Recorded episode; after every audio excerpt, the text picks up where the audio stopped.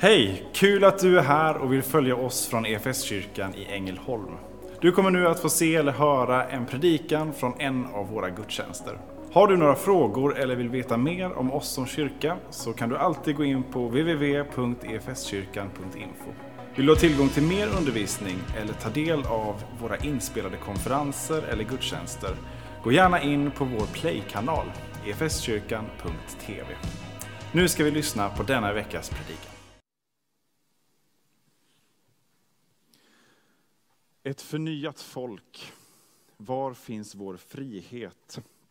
Det är temat för idag och vi fortsätter temaserien som började för eh, en vecka sedan. Ett förnyat folk där vi får följa Israels folk när de går genom, eh, genom öknen.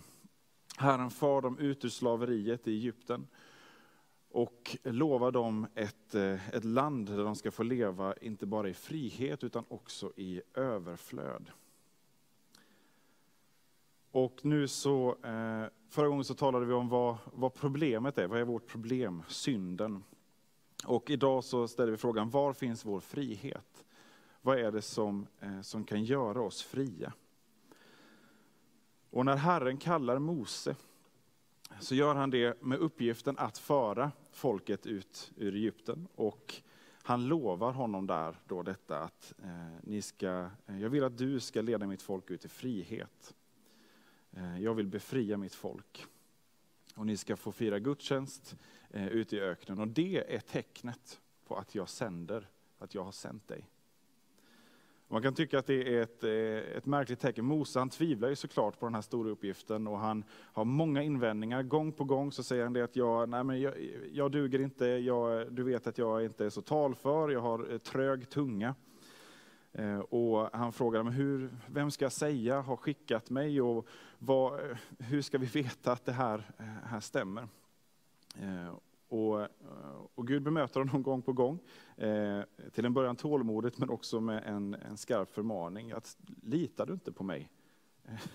Du, du står här inför Herren själv och ändå tvivlar du. Och så säger Gud, tecknet på att jag har sänt dig ska vara att ni är ute i öknen och firar gudstjänst på det här berget. Där Mose nu är på ett berg och möter Herren. Så tecknet som, som Mose får och folket får, det är det är någonting som kommer sen när det är gjort. Eh, och det kan man tycka är ganska lustigt. Eh, om inte annat så är det väldigt utmanande. Det här är någonting som de måste ta emot i tro. Mose och folket måste lita på att det som Herren säger stämmer. Tecknet kommer när det är, när det är klart, eller åtminstone när de har kommit en bit på vägen. Eh, så kommer också andra tecken. Eh, innan dess. Eh, men gång på gång så innebär det även där att Israels folk måste agera i tro. De måste välja att lita på Herren. Eh, och farao han vill inte släppa folket. Och då drabbar olika plågor Egypten och slår också mot farao och hans hov. Och så ger han med sig, han, han ödmjukas något, han blir åtminstone rädd för för den väldige Gud som nu kräver att han ska släppa Guds folk ur slaveriet. Men ganska snart så ändrar han sig igen. Så eh, eh, korrumperad av makten är han att han ändå eh, eh, hindrar dem från att gå. Och så går det så här fram och tillbaka, en kamp mellan, eh, mellan farao och, och Mose. Eller ytterst sett mellan eh, Gud och det onda.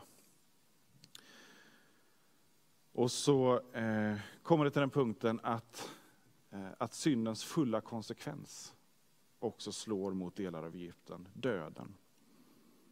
Och så säger Gud, för att döden inte ska slå er, för att Israels folk är inte heller fritt från synd.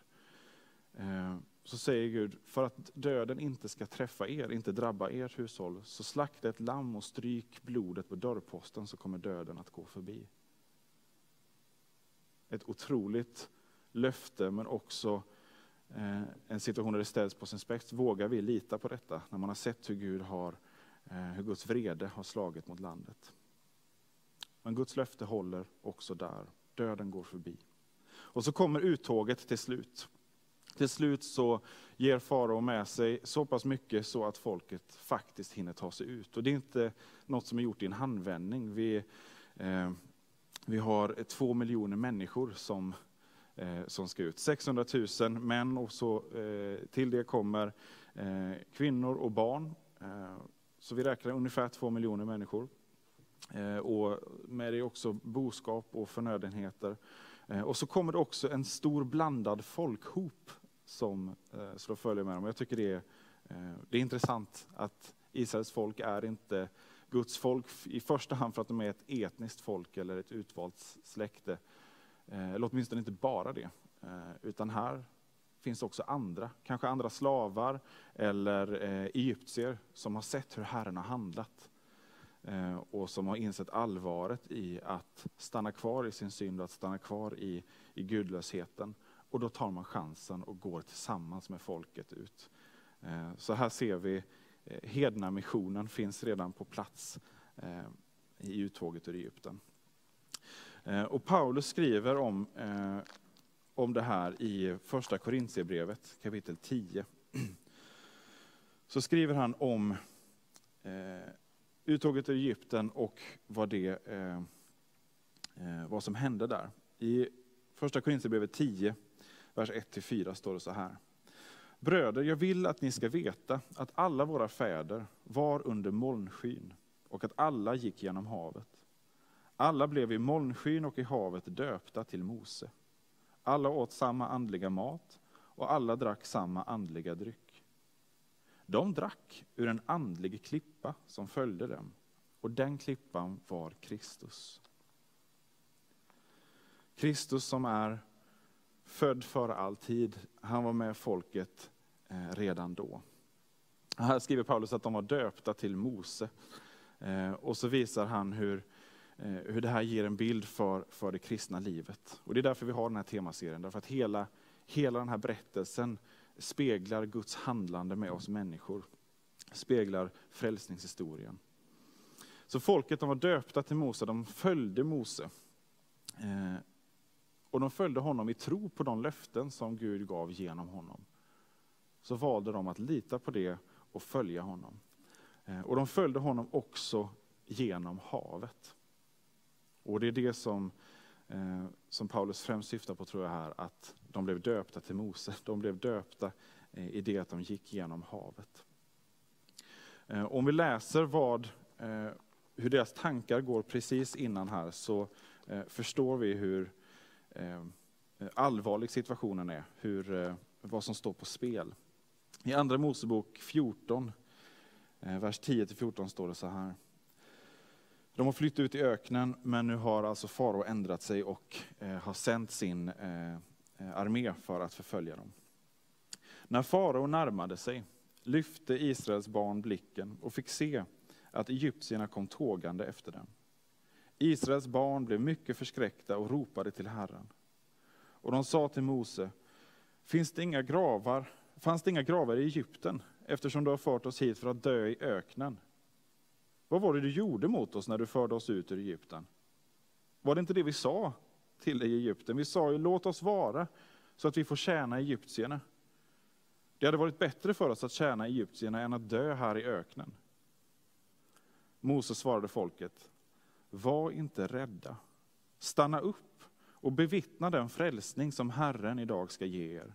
Till så som ni ser egyptierna idag ska ni aldrig någonsin se dem igen. Herren ska strida för er och ni ska hålla er stilla. Så här står Israels folk omringade av döden. Bakom sig så har de eh, Egyptens här som kommer för att eh, om möjligt föra dem tillbaka till eh, ett slaveri och en garanterad död i det slaveriet. Eller till och med slå dem på plats. Framför sig så har de havet som också är en garanterad död. Det fanns ingen möjlighet att, att kasta sig och simma över, om de ens kunde simma. Och när rädslan då kommer så, så vänder de sig mot Gud igen och ifrågasätter varför har du ens gjort det här med oss? Hade vi det inte bättre? Var det väl bättre att leva i Egypten? Där visste vi vad som väntade. Vi visste eh, om vilket hårt arbete det är. Man kunde förvänta sig åtminstone eh, hur ont det gjorde och, eh, och hur mycket för tidig död man drabbas av i det. Här finns inga gravar. Vad, vad har du gjort med oss här? Rädslan förlamar och eh, när oron som eh, tränger sig på så blir det som att vi, eh, vi den lurar oss tillbaka till, eh, till någonting som, eh, som vi inte kan leva av.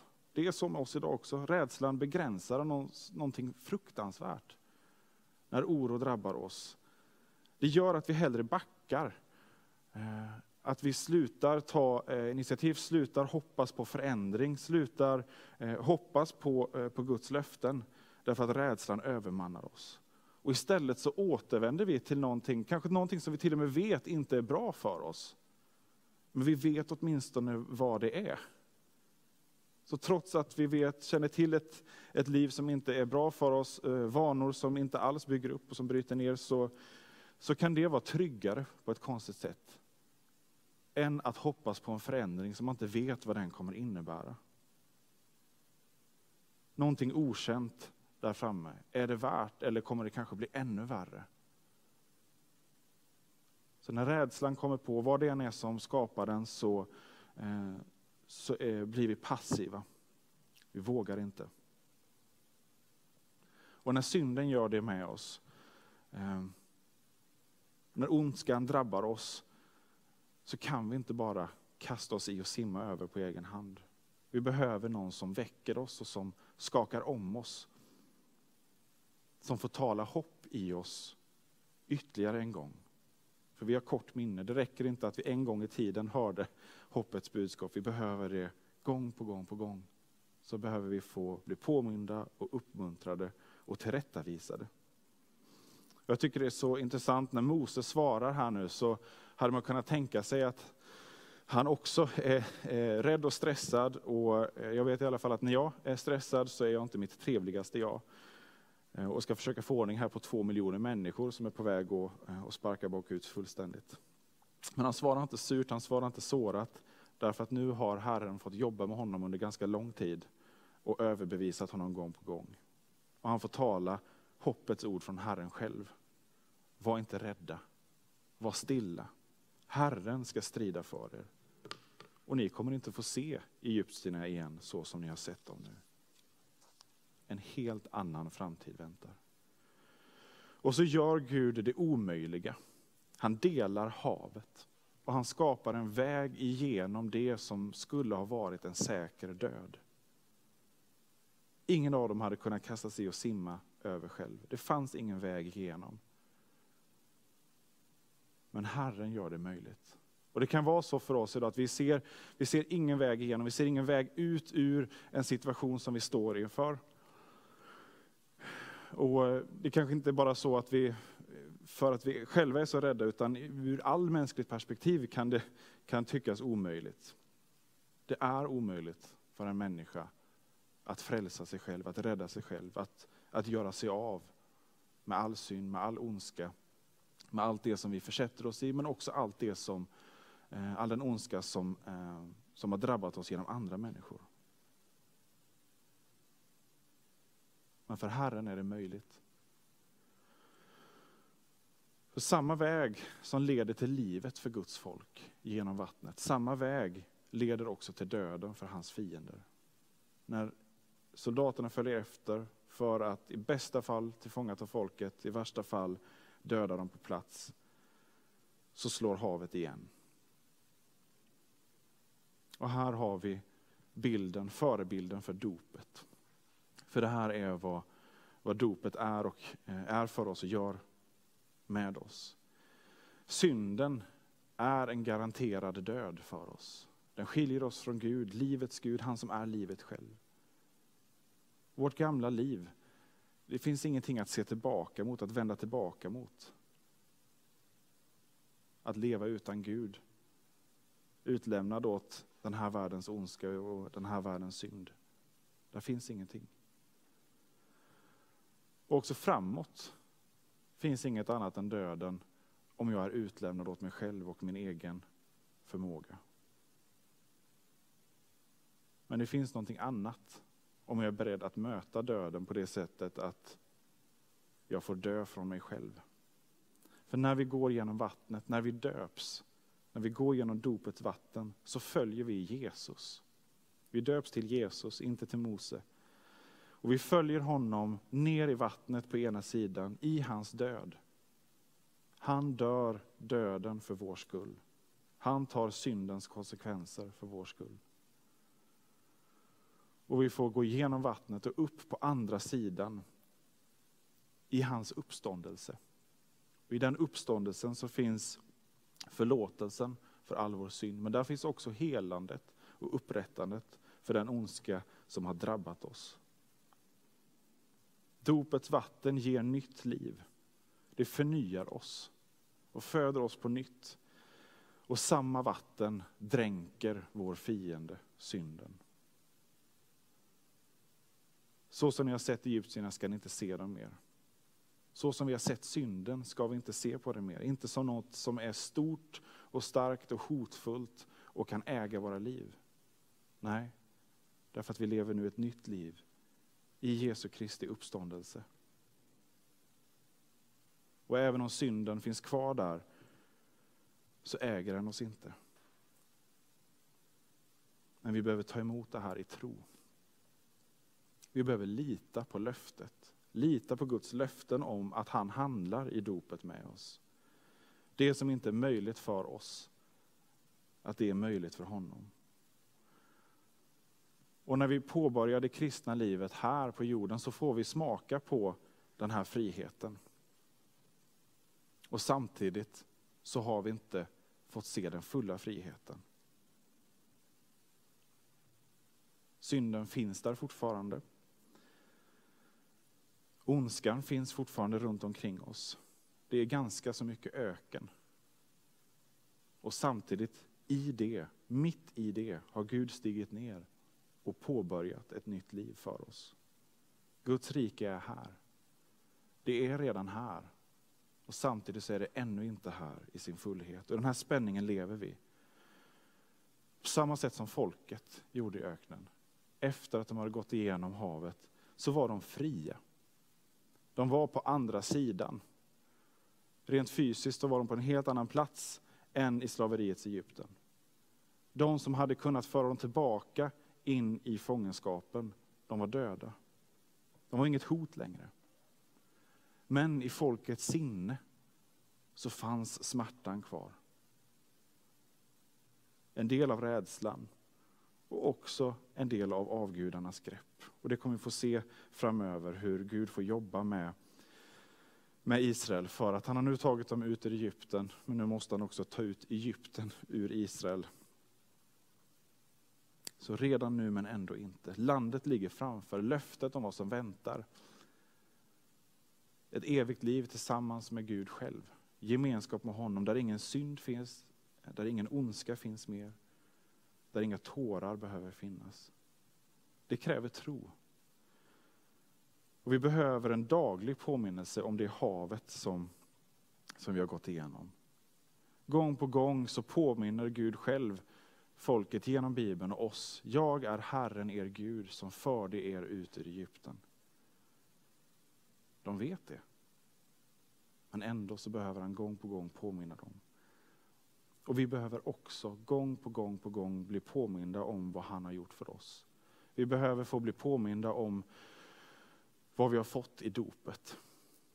Och att varje dag leva i dopet. Ta tag i det. Vi behöver det varje dag, men vi känner det kanske allra mest när svårigheter drabbar oss, när öken drabbar oss. Och samtidigt är det också kanske då det är allra svårast att hoppfullt och, och pikt gripa tag i det. Därför behöver vi varandra. Vi behöver kyrkan, vi behöver få, få bli burna och påminna varandra om att leva i dopet, att omvända oss varje dag och lita på att Herren leder oss. Lita på att vi är förlåtna. Lita på att han varje dag, dag för dag vill leda oss. bygga upp oss, beskära oss. Och leva i det hoppet att vi ändå också ska få se honom öga mot öga utan någonting av ondska eller oro eller rädsla eller sorg som skymmer vår blick. Som kyrka är det en glädje att få spela en liten roll av allt Gud gör i och genom ditt liv. Vi vill gärna fortsätta följa dig på den resan. Och vill du ta reda på vad ditt nästa steg kan vara på din resa med Gud så gå in på efskyrkan.info nästa steg. Vår längtan är att få se människor och samhällen förvandlade av Jesus. Genom en kyrka som återspeglar Guds hjärta, bär varandra och betjänar människor varhelst vi befinner oss varje dag.